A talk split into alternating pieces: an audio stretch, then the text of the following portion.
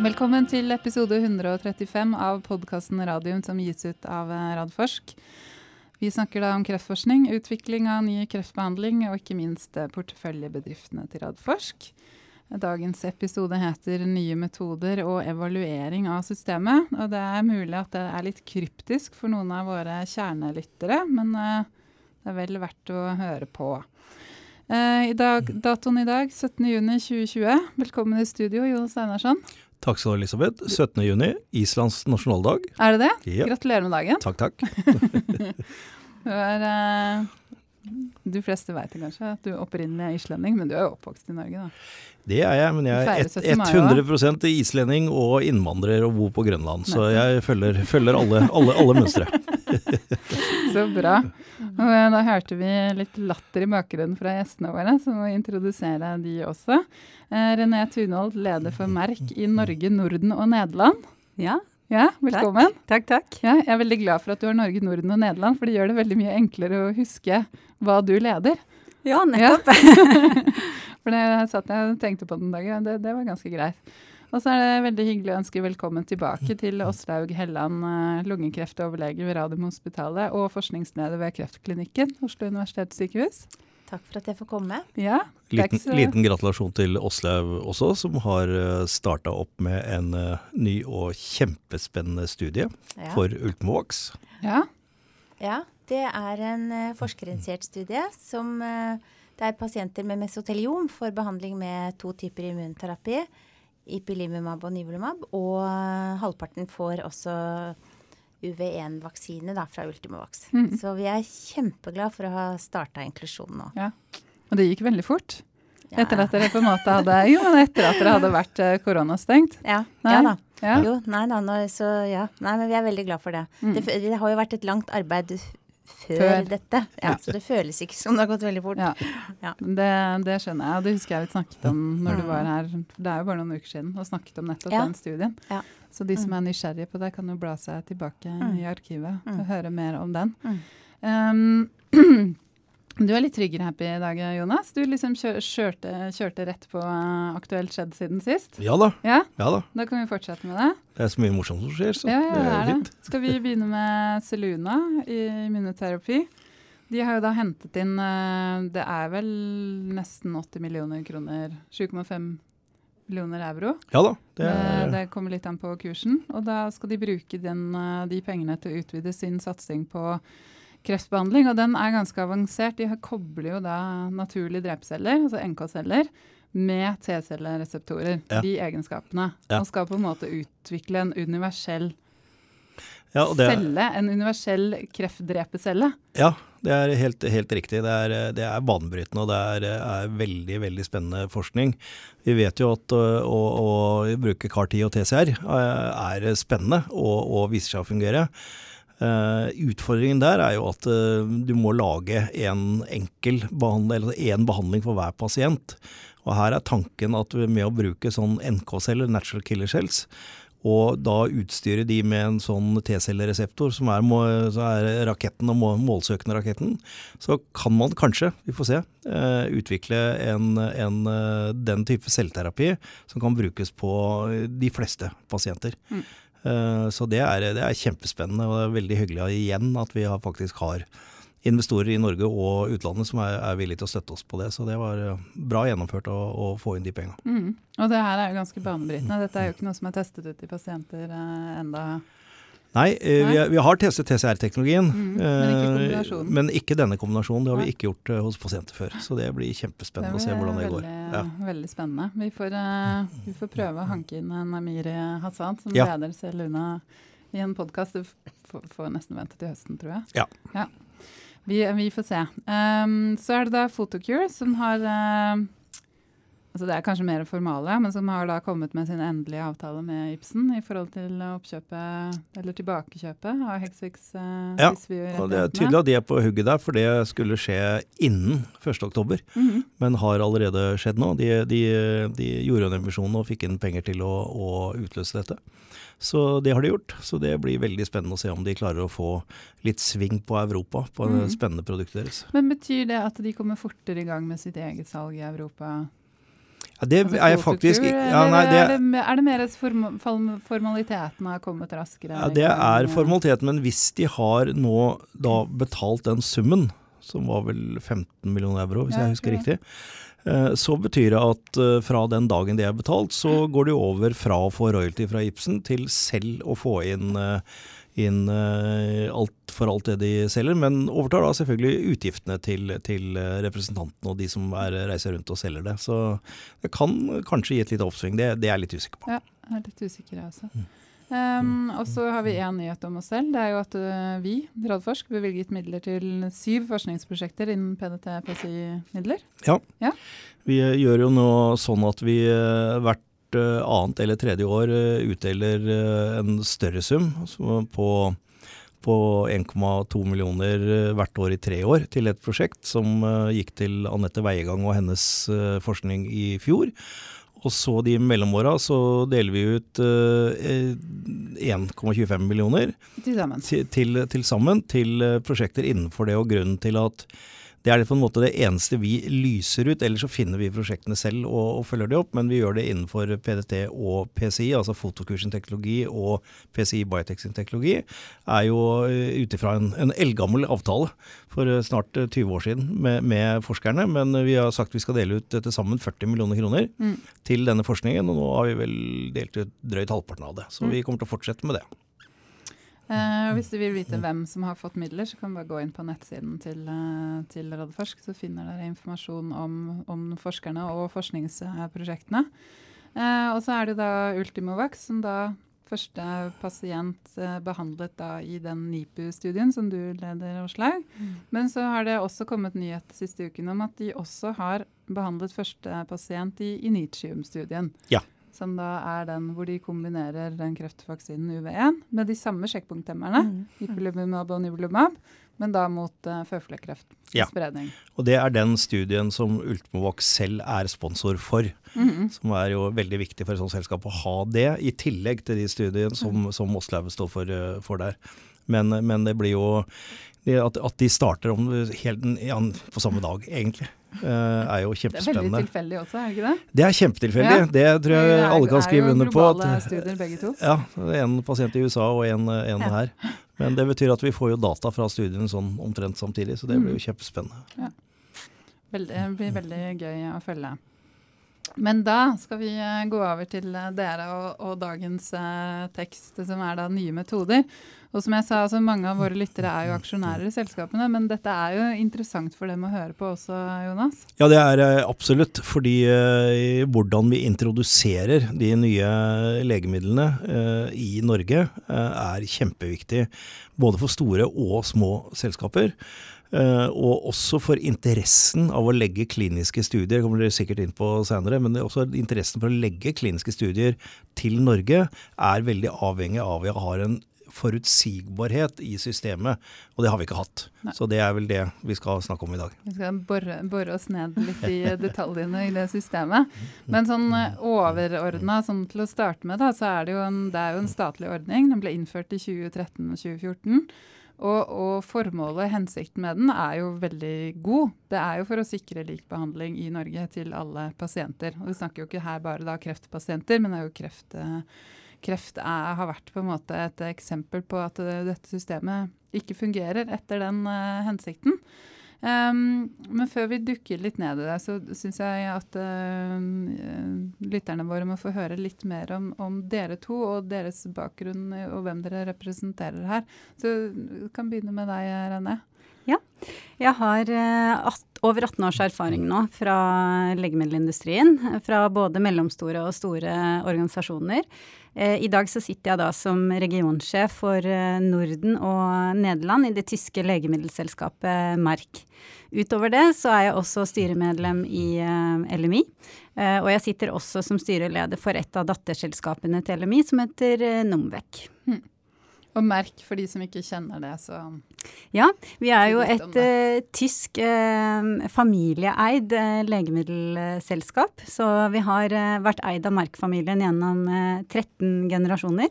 Vi har hovedbase i Darmstadt, rett utenfor Frankfurt i Tyskland. og er et globalt konsern med over 50 000 ansatte i 66 land. Mm. Det er bra. Aslaug? Ja, jeg er onkolog eh, og forsker. Jeg jobber mest med lungekreftpasienter. Um, og nå er jeg også forskningsleder for Kreftklinikken. Eh, jeg har holdt på med kliniske studier eh, primært for lungekreftpasienter da, i mange, mange år. Eh, og syns det er kjempeviktig. Mm. Og det er det jo. Virkelig. Mm. Uh, ja. Og da til, til uh, nye metoder. Altså, som jeg sa, altså formålet og intensjonen med systemet er jo god, men så har det jo vist seg å fungere ganske dårlig i praksis. Det har blitt møtt med kritikk av egentlig de fleste brukerne. Både klinikere, pasientorganisasjoner, pasienter, legemiddelindustri. Vi er også veldig mm. kritiske. Var med på en kronikk i, i Aftenposten med ganske mange andre ledende i miljøet rett før jul i fjor. Eh, og også hvis man ser på statistikk, for dette er jo et system for hvordan man tar i bruk nye metoder, altså nye legemidler, ny diagnostikk. Og hvis man ser på statistikken her, så ser man jo det at ny behandling det innføres i Norge det tar to, to år. Så ser man til Danmark, og da tar det 67 dager. Så bare der kan man jo begynne å stusse litt. Eh, og I tillegg så viser det seg jo at de nye metodene får nei i halvparten av tilfellene i Norge. Det har ikke noe tilsvarende tall fra Danmark, men jeg tror ikke de er like restriktive der. Uh, og det systemet skal jo nå evalueres, og det er litt av den grunnen til at vi, vi sitter her. Nå er det lagt ut på anbud uh, fra Helse- og omsorgsdepartementet, så man vet jo ennå ikke hvem som skal evaluere det. Det blir vel klart sånn i oktober i år, tror jeg. ish, Og så skal vel selve evalueringen av systemet være klar neste år, altså oktober 2021. Men derfor er det jo så fint å begynne å snakke om det nå. Sånn at uh, de fleste av oss får litt mer kunnskap uh, om det.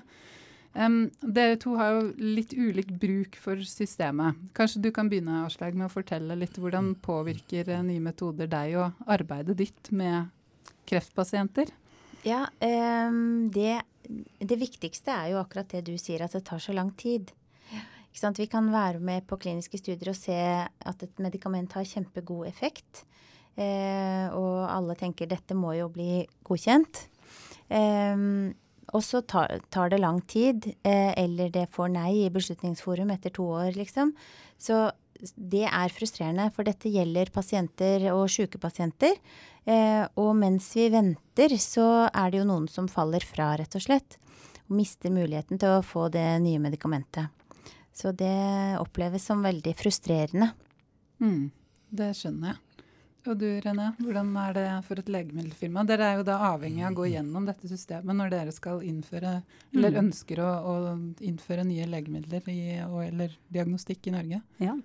Jeg må først bare si at vi har veldig gode og tydelige legemiddelpolitiske mål i Norge. Og den gangen eh, tilgangssystemet ble opprettet, så var det jo nettopp for å understøtte eh, likeverdig og rask tilgang til eh, innovative og, og nye metoder. Det vi ser er jo at det er veldig stor forskjell på hva som er målsetningene, og hva vi erfarer i uh, praksis. Um, hvis vi skal få godkjent et f.eks. et kreftlegemiddel, så sender vi inn en dokumentasjonspakke til Legemiddelverket. De bruker da eh, stort sett 180 dager eller eh, mer på å vurdere eh, effekt, sikkerhet og kostnadseffektivitet til legemiddelet. Etter denne vurderingen så blir rapporten sendt over til bestillerforum, som da vil bruke tid to til tre måneder på å godkjenne at det kommer opp til beslutning hos uh, Beslutningsforum. Og det er Beslutningsforum som til syvende og sist da tar eh, avgjørelsen om eh, kreftlegemiddelet skal refunderes og gjøres tilgjengelig for norske pasienter. Og vår erfaring er at det er den siste leddet her som eh, tar veldig lang tid. Det kan ta opptil et år, eller i verste fall eh, flere år, avhengig av innstillingen til eh, eh, Beslutningsforum. Så det skaper en stor ulikhet mellom norske pasienter og eh, pasienter i andre europeiske land. De er sikret rask tilgang basert på akkurat den samme dokumentasjonspakken, mens norske pasienter da venter i mange måneder eller år mm. for å få eh, tilgang til tross for at legemidlene ikke koster noe mer i Norge. Eh, faktisk er det veldig ofte sånn at de koster mindre. Og det er jo utrolig uheldig for norske pasienter. Og jeg tror ikke det var det politikerne så for seg den gangen de gikk inn for å innføre nye metoder. Mm. Jonas? Ja, nei, De har jo pekt på de to viktigste punktene her. Det ene er jo som gamle allmennpraktiker å sitte, og se at eh, pasienter faktisk dør og kunne blitt behandlet med, en, med, et medikament som vi faktisk vet kan fungere. Mens man sitter og, og regner og bruker gamle Excel-ark på å gjøre kosteffektive analyser, som er jo, er jo helt feil i, i, i forhold til, til, hvordan det bør beregnes. Dette har jeg snakket om tidligere. Mm. Uh, og, og da den frustrasjonen som det er, og det at man ikke har klart å få den ordentlige dialogen mellom myndighetene og legemiddelfirmaene. Eh, jeg skrev en kronikk for to år siden, da jeg var i, i Aftenposten, og så slutt å skyte hverandre og komme opp av skyttergravene. Fordi den dialogen har totalt mangla. Og man sitter fast i gamle modeller. Det er masse nye modeller for hvordan man kan gjøre dette kosteffektivt mye bedre. Mm. No cure, no pay, andre, andre, muligheter. Så langt så har de blitt med, legemiddelindustrien blitt møtt med en kald skulder av myndighetene på det, og det syns jeg er det verste. Mm. Kjenner du deg igjen i det, i det Irene? Den kalde skulderen? Ja, absolutt. Eh, jeg tror at eh, Eller jeg vet at legemiddelindustrien har tatt til orde for alternative modeller, risikodelingsmodeller, i mange, mange år. Men vi blir møtt med den kalde skulderen som du eh, peker på. Man er redd for administrasjonsbyrden, at man må endre på infrastrukturen på sykehusene for å kunne følge opp f.eks. effektmål som skal avgjøre hvorvidt legemiddelet blir refundert eller ikke ikke. Så vi håper jo at tiden er eh, inne nå, når dette skal evalueres, til at vi setter oss rundt samme bord og diskuterer eh, løsninger. Fordi med den innovasjonstakten vi nå har, og spesielt innenfor kreftfeltet, så må vi eh, få et mer robust system som er klart å ta imot alle eh, innovasjonene, og eh, åpner opp og eh, bredder ut verktøykassen til behandlende onkologer. Mm. Ja, for jeg tenker, eh, Det er jo du som sitter med pasientene, Åslaug. Eh, men jeg tenker jo at i hvert fall når jeg leser disse mediesakene og på en måte vet en del om dette systemet, så man, man mister jo en grunnleggende tillit til det norske offentlige helsevesenet. Og det er man jo på en måte enig om at det ønsker vi jo å ha. Vi ønsker jo å ha et system som ivaretar alle. Men når det på en måte blir, tar så lang tid, og det og man også ser da til altså sånn Sverige, Danmark, eh, mm. nabolandene våre, sånn er det naturlig å sammenligne seg med at det, det slår ut så annerledes. Så mm. det tenker jo jeg er den største måte, risikoen ved, ved at det ikke fungerer. Hva, hva, er din opplevelse når du sitter med pasienter? Nei, Jeg, jeg syns det er kjempeviktig. fordi vi, vi har jo et godt helsevesen i Norge. Vi er på høyden, og det er utrolig mange flinke og dedikerte folk som jobber i norsk helsevesen. Eh, men samtidig så er det helt feil at de som har masse penger, kan gå på Aleris og få de godkjente medikamentene. Altså Europa kan ha sagt at dette er godkjent, dette er bra. Men Norge sier nei, vi kan ikke betale for det. eh, så, og det er akkurat som du sier, det rokker liksom ved den troen på at eh, at vi får til å ha et godt og rettferdig mm. helsevesen der det er tilgjengelig. Det beste vi vet, er tilgjengelig for alle. Mm. Eh, og det, da jeg begynte i medisin, så var det jo sånn. Da kunne jeg si det at vi, vi er helt på høyden, og norske pasienter får det aller beste. Nå er det ikke alltid det er sånn. Mm. Um, en ting med det systemet, nye metoder, det er jo at um, sånn som du, Åslaug, og kollegaene dine, som er da medisinske eksperter, dere blir jo ikke så veldig mye hentet inn, altså den ekspertisen, sånn som jeg har skjønt det. Eh, når, når, et nytt eh, lungekreftmiddel, som er på en måte ditt eh, fagfelt, da, skal innføres, blir du da kontaktet av SLV og spurt i råds, eller tatt hvordan, hvordan er den prosessen? Hvordan prosessen er, det vet jeg faktisk ikke helt. Men, eh, men, det har hendt at jeg har blitt spurt om å komme med et råd. Det har det. Eh, men hvordan, eh, hvordan prosessen er, hvem de spør i de enkelte tilfellene. For her er det jo mange saker, og det er år mellom hver gang jeg blir spurt om noe. Så hvordan de velger hvem de spør på en måte, det vet jeg faktisk ikke helt. Men det det tror jeg er litt varierende. Ja, nettopp. Mm. Så det er ikke egentlig noe system. For jeg vet jo at i Danmark så bruker de jo fagekspertisen på en helt mm. annen måte inn der for å vurdere de nye, altså nye mm. legemidler. Um, René, hva, hvordan gjør man det i de andre landene som du har eh, ansvaret for i, i Merk? Ja, ingen, in, ingen, land er selvfølgelig eh, like her, men det som er gjennomgående, det er jo det du peker på, det er at de har me, mer utstrakt bruk av uh, involvering av kliniske eksperter under vurderingsprosessen enn det vi dessverre ser i Norge. Og du peker på Danmark, som er et veldig godt eksempel. De har en godt organisert prosess rundt dette. Eh, det danske medisinrådet eh, beklager, har ekspertgrupper for alle eh, sykdomsgrupper, som bl.a. involverer klinikere, farmasøyter og pasienter, som møtes flere ganger i løpet av den vurderingsprosessen. Basert på et grunnlag som da er utarbeidet av helseøkonomer og biostatistikere så gjør de en vurdering av legemiddelets uh, merverdi og kommer med sin faglige mm. innstilling og uh, vurdering. Og uh, nye metoder dessverre mangler denne faglige forankringen og begrunnelsen. Og i Norge så ser vi jo at vi har fire helsedirektører, som stort sett er de som fatter beslutningen. Og jeg syns jo at man skal stille seg spørsmålet om hva er mest tungtveiende for valg av beslutning, når de samme helsedirektørene også sitter med budsjettansvaret for sine respektive mm. helseregioner. Mm. Og det har jo vært noe av primærkritikken eh, mot systemet sånn som det er nå. At, at de direktørene har både budsjettansvaret, men også beslutningsansvar og myndighet, ikke minst. Jo, altså, Paradoksale er jo at verken eh, disse direktørene, som er svært hyggelige personer, for all del, eh, eller eh, Statens legemiddelverk eh, aner hvordan disse medikamentene virker på pasientene.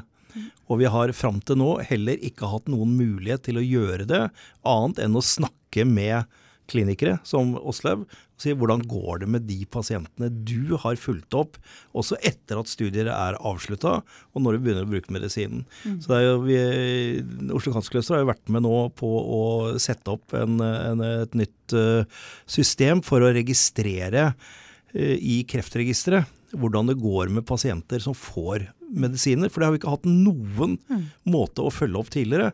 Og det er jo de dataene som skal vise. Så det, det, er også det jeg har sagt hele tiden, at hvis man klarer å følge pasientene For én ting er kliniske studier. Det er inklusjon og eksklusjonskriterier, og det er selekterte grupper og alt dette. Men det gir oss en pekepinn. Men så er det real world data. Altså hvordan går det virkelig med pasientene. Mm. Så det å innføre den, disse nye medisinene og si at nå registrerer vi hver eneste pasient som får denne medisinen de neste tre årene eller fem årene. Og så gjør vi en evaluering da. Og så kan det være at noen medisiner i den virkelige verden ikke virker så bra som vi trodde ut fra de kliniske studiene. Da skal vi ta det vekk. Mm. Men de som virkelig viser seg å ha den effekten, mens det eneste man bygger på, er disse dataene fra de kliniske studiene. Det, det er det vi må gjøre i utgangspunktet. Mm. Og så vet jeg også, du er litt forsiktig med myndighetene nå, men, men de etterlyser mer, mer, ja, mer dokumentasjon. Ja, men dere har jo fått all dokumentasjonen vi har. Mm. Det er de kliniske studiene, det er de dataene vi har. Vi har ikke noe mer. Ja, men dere må vise effekten. Ja, men det er jo altså det er godkjent av EMEA eller, og FDI og hva det måtte være. Det er vist at sånn ser det ut til å virke, og det er det vi må legge til grunn. Så det, det, er, det er, noe sånn ulogisk i tankegangen mm. med, med, hele dette opplegget som er i dag. Ja, det, det er mye, mye, som er ulogisk. Kan ikke ta tak i den ene tingen du sa. Det at dere som legemiddelindustri, altså bedrift, blir bedt om mer dokumentasjon i Norge enn i, enn i andre land. Kan du si litt om hvordan det fungerer? Ja, det, det kan jeg si litt om. Eh, vi har, altså Sånn som jeg ser det, så har vi fortsatt et tilgangssystem eh, i Norge som er tilpasset hvordan verden så ut for 20 år siden. Da kom eh, legemiddelfirmaene med eh, blockbustere som eh, behandlet store, brede pasientpopulasjoner. Nå snakker vi om persontilpasset medisin. Det er mindre og mindre pasientgrupper. Norske myndigheter spør etter store fase 3-studier. Det er, det er, rett og slett ikke mulig. For det måte, det er, helt motstridende mot evolusjonen innenfor medisinsk forskning. Fordi det blir så små grupper.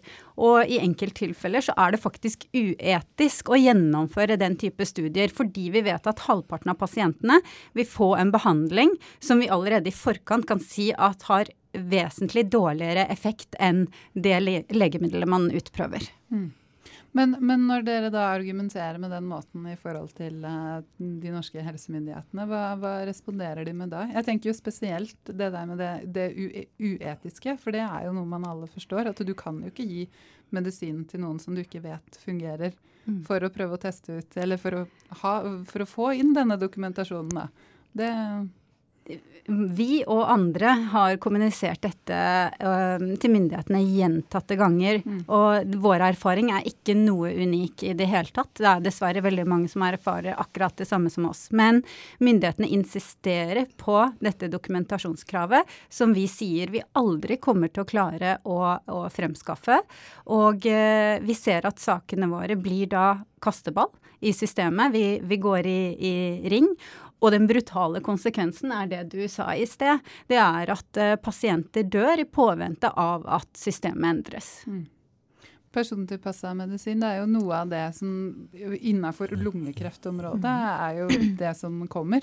Det har jo skjedd masse. Mm. Eh, og et eksempel er at det er et uh, nytt medikament som uh, tidlige studier nå ser ut til å ha effekt hos nesten alle som får det medikamentet, så sant de har en en eh, genforandring i et gen som heter RET-genet, eh, som er kanskje hos 1 av lungekreftpasientene. Eh, og da er det 97 eh, det man kaller sykdomskontroll, eller disease control rate, på det med medikamentet. Det er jo helt utrolig. Er, vi har ingenting tilsvarende i det hele tatt. Eh, og det er en bitte liten gruppe av pasientene. så hvordan skal man gjøre det? Det er veldig vanskelig å få store mm. data sånn som det har vært til nå, da, mm. krav om at man skal frembringe. Så det er mm. kjempevanskelig. Vi ser jo også det at det er eh, studier som blir stoppet nettopp av den grunn at det skiller seg så veldig når du starter med randomisert studie, altså hvor, hvor en del av pasientene får behandling og en får ikke. Så ser du at det er så stor forskjell at det er etiske komiteer og andre som overvåker dette, som går inn og sier at denne studien skal selvfølgelig fortsette, fortsette, men den armen som ikke får medikament, den kutter vi ut, for det er uetisk. Og så kommer man da til myndighetene, og så sier de mm. hvorfor har dere ikke 1000 pasienter i gruppen som får placebo, altså hvor får får en Vi, vi fikk ikke lov fordi det er uetisk. Ja, nei, men da har vi ikke nok eh, datagrunnlag. Ja, det, det, der faller på sin egen urimelighet, uh, eh, syns jeg. Men, men, uh, men Åslaug, uh, altså pasienter, når du må på en måte fortelle dette her, enten da at uh, at man har tils, altså, Ofte vet de jo kanskje at man har uh, tilsvarende legemiddel som man kan ta i bruk i andre land. Eller f.eks. som du sier, da, at man kan gå til uh, Aleris, men da må man uh, betale selv. Hvordan, hvordan, hvordan, blir du møtt med det som behandlende lege? Nei, det, jeg syns det er kjempevanskelig, fordi jeg er jo veldig glad i et offentlig og godt helsevesen som, der alle får god behandling. Um, og det, gjør, det, vi gjør i praksis, er å prøve å få flest mulig kliniske studier til Norge. Da får norske pasienter tilgang til det nyeste og gode medisiner. Eh, vi prøver å lage forskerinitierte kliniske studier der det kan godt være medikamenter som er godkjent eh, i FDA og EMA, men der vi eh, gjør translasjonsforskning eller annen type forskning og får gratis legemiddel fra firmaene. Så vi prøver eh, via litt sånne omveier da, å, få medikament til norske pasienter. Men, eh, men, det er klart det er frustrerende, og vi har hatt pasienter som der venner har starta innsamlingsaksjon eh, på Facebook, ikke sant. Der det er Og jeg tror både pasientene og vi føler at det er litt sånn Skulle ønske det ikke var sånn. Mm. Uh, ja. Men mm. hva gjør man ikke? Mm. Nei, det er jo noe med det at uh, når du på en måte potensielt kanskje har fått en, en dødsdom, mm. eller, og vet at det er et legemiddel som har muligheten for, mm. å, for å, hjelpe deg, så, så, går man jo til det ytterste. Mm. Um, og jeg tror det er nettopp derfor disse sakene også er så mye ute i media. fordi det, det her kan jo være hvem som helst eh, av mm. oss som plutselig ja. er i den situasjonen, eller noen i nær familie eller, eh, eller venner. Så mm. Det, ja. Nei, altså det er jo det er som du sier også, Man leter jo alltid etter smutthull mm. for å kunne gi pasienten en behandling som man vet egentlig har stor mulighet for å fungere. Og Vi har, skal ikke komme inn altfor mye inn på det nå, men vi har jo også det som, har, som heter compassionate use. Hvor, hvor eh, man, man har egentlig hadde et smutthull på det. Eh, men det har myndighetene egentlig satt en effektiv stopper for nå, for de har stilt helt umulige krav til legemiddelfirmaet som skal da kunne gi medisinen på såkalt compassionate use. Uh, og, da, liksom lurer jeg på hva, hva, er, hva, er, begrunnelsen for det? Dette er dere to sikkert mye mer erfaring enn en, det jeg har, men uh, det er i hvert fall det tilbakemeldingene jeg får, at dette er nesten stoppet helt opp i Norge nå. Ja, det tror jeg er helt riktig. Jeg tror det har vært inngått én uh, ny avtale siste årene, siden disse nye reglene kom. og hvis du spør hvorfor de reglene kom, så tror jeg det har kanskje Altså det har nok økonomiske årsaker, eh, og at det har sin rot i ikke-kreft. Der pasienter kan gå i årevis og, eh, og få dyre legemidler. Og industrien kan ha sagt at vi betaler inntil det har markedsføringstillatelse, og etterpå må det offentlige ta det.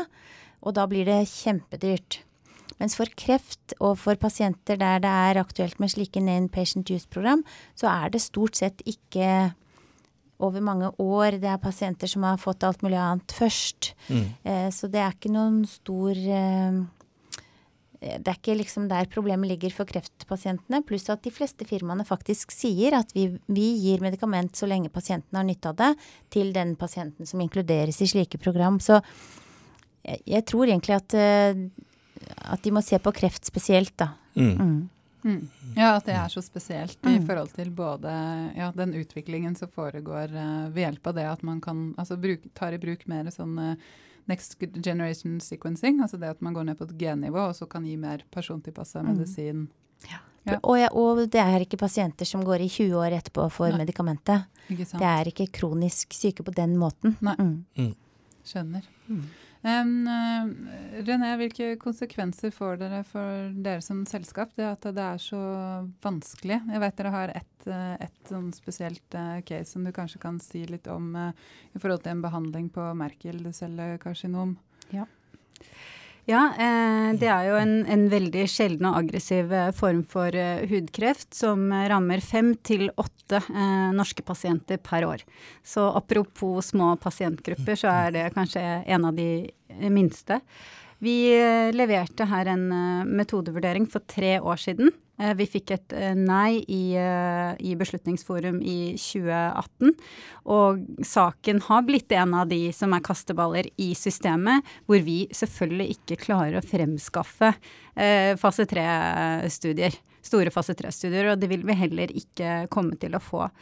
Konsekvensen her er jo først og fremst for pasienten, det må jeg bare si. For disse har, har veldig kort levetid når de metastaserer. Men eh, for Merck så går det litt inn på det sporet som har vært nevnt her med kliniske studier. Fordi at eh, når vi ikke får innovasjoner tilgjengelig i, eh, i, Norge, og metoder blir introdusert, så sier jo våre hovedkontorer hvis de har investert i kliniske studier her, og igjen og igjen så blir ikke metodene innført, så vil de i neste runde heller prioritere et annet land. Det er kjempekonkurranse mellom landene å få studiene til sine vertsland vertsland. Så det er det ene aspektet. Og det andre er at uh, vi i fremtiden vil møte på i større og større grad et problem med at det som er definert som standard of care, eh, ikke er tilgjengelig i Norge, men i andre land. Så hvis man skal gjennomføre godkjenningsstudier, så har ikke Norge komparator på markedet. Så igjen så er dette ekstremt innovasjon, innovasjonshemmende. Og også med tanke på å bygge en norsk helsenæring.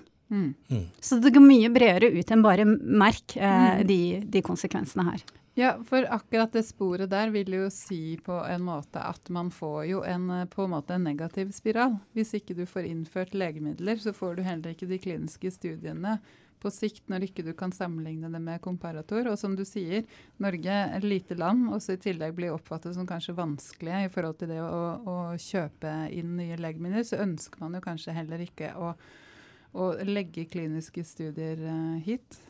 Nei, det er akkurat det. Og det er som du sier, det er, det er en uh, ond spiral som vi kjemper hardt for å på en måte få uh, brutt, uh, rett og slett. Fordi vi snakker mye om behovet for å bygge andre næringer for å opprettholde velferdsstaten Norge. Og en av de er jo å satse på en norsk helsenæring. Og en av grunnsteinene i å bygge norsk helsenæring er jo nettopp å øke antall kliniske studier. Det vil, øke, det vil skape arbeidsplasser, og det, det bygger opp verdifulle verdifulle eh, fagmiljøer. Og ikke minst, det gir pasienter tidlig tilgang til eh, innovasjoner. Så dette her må vi rett og slett eh, få gjort noe med. Mm. Aslaug, hva tenker du? Nei, jeg er helt enig. Jeg tror det er riktig at, uh, at firmaene uh, ser på hvor medikamentene blir uh, godkjent og blir brukt. Og jeg tror vi Jeg tror ikke dette er et fortrinn for oss. Nei. Nei. Men eh, får du, altså du jobber jo masse med kliniske studier, har gjort det i, i, mange år. Eh, har du opplevd at det er vanskelig å få, få studier hit, eller uh, hvordan har det, har det, vært? Ja, altså Jeg opplever akkurat det du sier, at det er hard konkurranse. Vi må virkelig jobbe for å markedsføre oss, og der vet jeg jo at de norske eh, avdelingene i firmaene de jobber med oss og for oss eh, for å få det til. Så, øh, men det er, det er, konkurranse. Det er mm. klart det er mm, kanskje lettere å kjøre studier i land der det er billigere å kjøre studier også, så det her er det jo mange aspekter. Mm. Og når alt dette er sagt, så er det jo viktig at vi må ha et system, liksom. Det er klart man kan ikke bare si ja til alt og betale det det koster. Så det er en sånn balanse, mm. og man må ha et system som funker for, eh, på begge sider, da. Mm. Mm. Det er, det er, jo nettopp det vi på en måte etterlyser med, med den evalueringen. Uh, nå, uh, først lovfesteren og så evaluereren er jo en rar måte å gjøre ting på, men det var nå sånn de valgte å gjøre det. Uh, men, men det, er, det er jo nettopp å finne balansen. For selvfølgelig så kan ikke legemiddelfirmaene fortsatt ta en halv million eller én million eh, per behandling. Eh, altså Det er ikke bærekraftig. Vi må ha et bærekraftig system, og det må finnes. Men da må det finnes nye modeller. For René var inne på dette med, med blockbustere tidligere. Det var blodtrykksmedisiner, det var kolesterolsenkende medisiner. Eh, det store gjennombruddet var at du tok tabletten én gang om dagen istedenfor to ganger om dagen, husker jeg fra min, min allmennpraksis. Eh, og, og, du kanskje økte en levetid med, med, med, med, to måneder eller tre måneder. Men vi er ikke der i dag. Det, er, det er snakk om å bruke medisiner som nå faktisk ser ut som kan kurere kreft, i, og i hvert fall at folk blir langtidsoverlevere. Selskapene får ikke lov til å si at du har kurert kreft hvis du er kreftfri etter ti år, men klinikerne sier faktisk det. Bruker the C-word, har, har, jeg hørt på, på konferanser de siste årene. The, the, patient is cured. Mm. Uh, og, og, og, da må vi ha helt nye systemer. Og så må det, må, må det være en balanse. Fordi det må også være noen som skal betale for det. Eh, og, og, spesielt da i, i eh, Europa og, og, hos oss, så er det jo staten som betaler. Og, og, da må vi finne den riktige balansen. Men jeg opplever faktisk at det er et misforhold mellom hvem som er villig til å komme i møte. Uh, og Det er min store kritikk på dette, og det er at myndighetene bare sier at nei, sånn vil vi ha det. Og så sier legemiddelfirmaene ja, men vi vil gjerne diskutere nye modeller og nye måter å finne fram. For vi, det er faktisk sånn at selv de som sitter i et stort legemiddelfirma, syns det er veldig tilfredsstillende at pasienter får hjelp av deres medisiner. De tenker ikke bare penger. De tenker også Det er mange leger, det er farmasøyter, det er andre i disse selskapene, og sykepleiere og, og, og andre, som, som, ønsker det beste for pasienten. Men så, hvis vi skal gjøre studier, hvis vi skal utvikle legemidler, så koster det fortsatt så mye penger at det må Og, og du, vet, du nevnte Seluna til å begynne med i dag. Vi henta inn 80 millioner der. Vi henta inn 160 millioner til Ultimovax her i, i, for noen uker siden. Og det er investorer som er villige til å investere i å utvikle legemidler. Og de må se at det er en mulighet til de faktisk tjener penger på den andre siden. Mm. Det er liksom sånn et kapitalistisk system fungerer. Og det er denne balansegangen vi må finne. Mm. Men det, det, er jo en fin ting å diskutere sånn på slutten. Altså, Hvordan kan et sånn type system være? Fordi det er jo som du sier, Åslaug, vi kan jo ikke ha frislipp. Vi kan jo ikke bruke alt. Og det er jo ikke hensiktsmessig. For det er jo ikke sikkert at det som Jonas var inne på i stad, at, at, de nye medisinene alltid har en effekt eh, heller. Men i en verden da, hvor man får mer og mer persontilpasset eh, behandling, hvordan, hva slags type løsninger kan man se for seg? Kan begynne med deg, Rønne, så kan vi ta runden. Mm. Jeg tenker uh, Først og fremst så må vi bruke den perioden vi har nå, uh, godt. Fordi du pekte på innledningsvis at det tar tid, dette her, før man faktisk har tiltak eh, som man setter i verk for å endre dagens eh, system. Så jeg tenker at i den eh, fasen vi er nå, så må vi bruke muligheten til å opparbeide oss noen erfaringer som kan bli et viktig beslutningsgrunnlag, og som kan gjøre myndighetene i stand til å ta kunnskapsbaserte beslutninger for hvilke løsninger til syvende og sist de implementerer. Så eh, jeg tenker vi har en unik mulighet nå til å sette i gang eh, piloter. F.eks. på midlertidig eh, godkjenning. Det vil være saker er, hvor Legemiddelverket anser dokumentasjonen til å være svært usikker, og som i dag absolutt med høy sannsynlighet ville fått et nei i Beslutningsforum. Da kan man ha muligheten til å eh, få eh, helsedata som gjør at man på et senere tidspunkt så kan myndighetene gå inn og revurdere skal refusjon opprettholdes eller ikke, og i tilfelle til hvilken pasientgruppe. Så vi må bruke dette mulighetsrommet godt. Hva jeg ønsker meg når det gjelder tilgangssystem, det er for det første at det er eh, et system som bidrar til fornuftig bruk av, av samfunnets eh, ressurser. Det må på en måte ligge i bunnen. Og jeg er helt enig i det som er sagt. Altså, kan ikke bare pøse ut alle innovasjoner som kommer. Det sier seg selv. Ehm, men så er det på en måte selve essensen i systemet, tenker jeg at det må ta hensyn til egenskapene til persontilpasset medisin. Og det må da være et system som for det første er tilpasset den dokumentasjonen som vi faktisk har. Og veldig ofte så vil det gjøre at man må ta beslutninger basert på fase to-studier. Eh, og det andre elementet som må på plass, det er den faglige forankringen, involvering av ekspertisen, eh, som da kommer med en, en, sin anbefaling i denne vurderingsprosessen. Og eh, det siste, det som jeg savner i dag, det er åpenhet. Åpenhet rundt de vurderingene som blir tatt rundt det beslutningssporet, og at det innføres en uh, ankeinstans. Mm. Mm. For det er jo ting som ikke er i dag. Ja. Når det er et nei, så er det et nei, og så får man ikke begrunnelsen for det, og så kan man heller ikke anke. Ja. Ja. Så det er et veldig lukket uh, system mm. uh, som veldig få egentlig har uh, innsikt i. Mm. Veldig udemokratisk. Ja. ja. Åslaug? Ja, altså det nye systemet bør jo, sånn som du var inne på, eh, ta inn over seg dette med persontilpasset medisin, og at det er små undergrupper der vi får ikke store randomiserte studier. Det er, eh, det er helt umulig. Eh, og det er et stort problem. Og så tenker jeg at man må jo kunne sette en tidsfrist fra man har søkt til man har et svar. Eh, sånn at ikke det kan gå to år, eller som du nevnte, tre år, liksom. Det er jo eh, ja ikke bra i det hele tatt. Eh, men jeg tenker at, eh, at det er forskjell kanskje på store blodtrykksmedisiner eller andre som mange skal ha, og medikamenter som brukes i kreftbehandling for veldig små eh, pasientgrupper. At man kan ikke ha de samme kravene til alle de ulike diagnosegruppene. Um, Eh, og jeg vet det er jo mange forskjellige Det vet sikkert du mer om enn meg, René. Men eh, det er jo mange forskjellige systemer i de europeiske landene.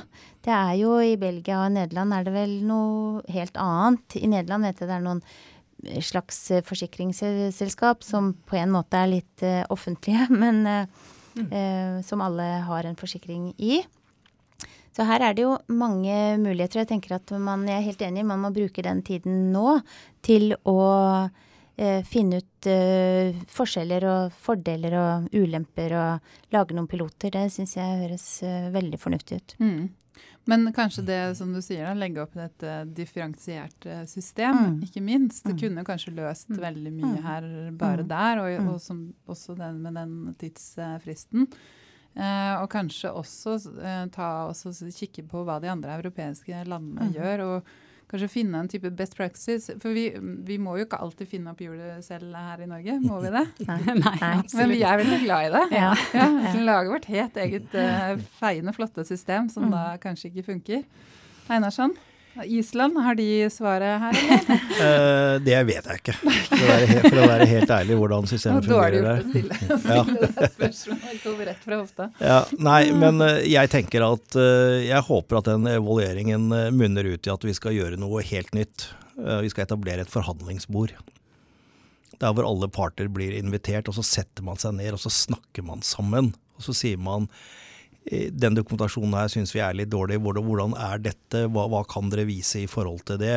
Kan vi sette sammen og beregne litt kost-effekt eh, og disse, disse analysene, istedenfor at du har altså, to totalt separate saler, hvor den ene sender inn, og så får du ikke noe svar engang. Du får bare beskjed om at nei, dette er ikke godt nok. Men hva er ikke godt nok? Nei, det vil vi ikke si noe om. Altså vi, Til og med domstolen i Norge de, de, de, de har en begrunnelse når de, når de fatter en dom. Mens eh, Beslutningsforum har ikke det. Og det, det er det som er, som du sier, det er det udemokratiske i dette.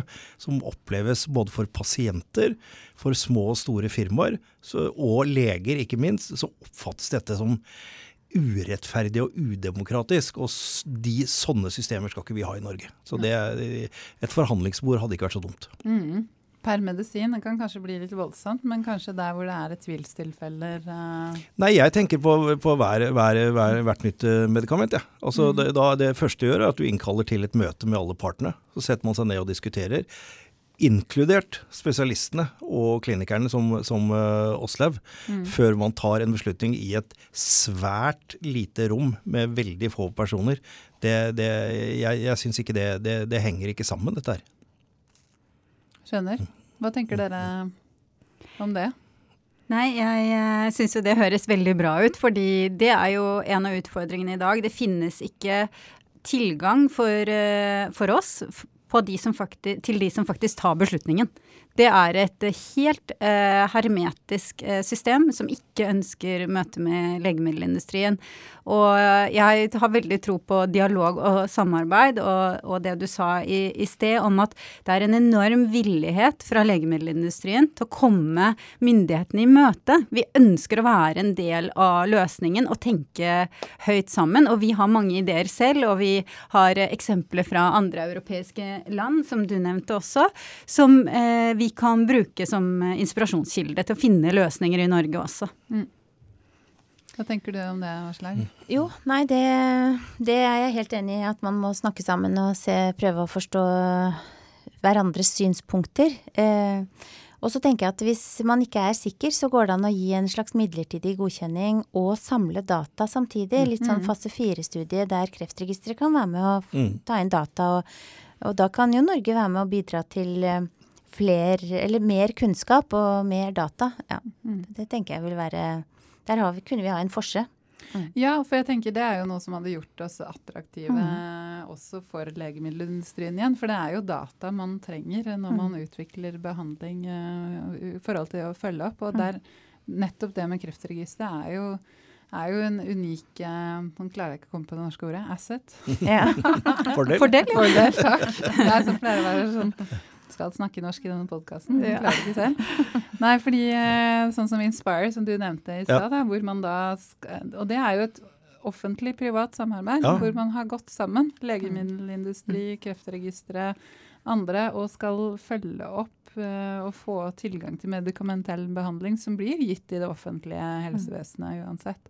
Hvis man da kan koble det opp mot nye, ny metodikk, så er det jo mye løst, Mm. Rett og slett.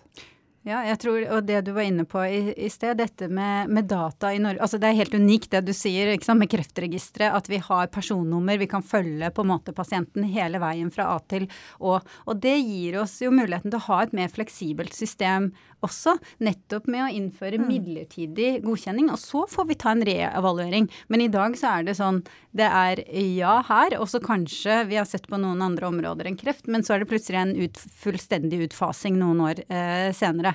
Men at man kan ha en mer sånn løpende mm. eh, dialog på hvem skal ha det, hvem skal ikke ha det, eller skal det være tilgjengelig i det hele tatt. Mm. Så bra. Da får vi håpe at uh, det er noen uh, kloke damer og herrer i departementet som hører på dette her. Så vi får litt inspirasjon uh, til hvordan man kan rigge det systemet. Vi har vel noen venner vi kan sende det til. Du kan sende en link til Maiken. Ja. Men tusen hjertelig takk for at dere kom, både René og Aslaug. Det var veldig, veldig spennende. Nå tar det jo lang tid før det blir en fasit på dette her, men dere er hjertelig velkommen tilbake. Så kan vi diskutere løsningen og se om det var noe herfra som ble tatt opp. God, viktig tema. Ja. Mm. God sommer til dere. Vi kjører én podkast til, gjør vi ikke det? Det har jeg hørt rykter om. Ja. hørt rykter om det. Vet ikke ennå hva vi skal prate om neste uke, som blir siste for dette halvåret. Men uh, vi får se. Det skjer sikkert noe. Ja, ikke sant. Ja. Så bra. Men da sier vi takk for i dag.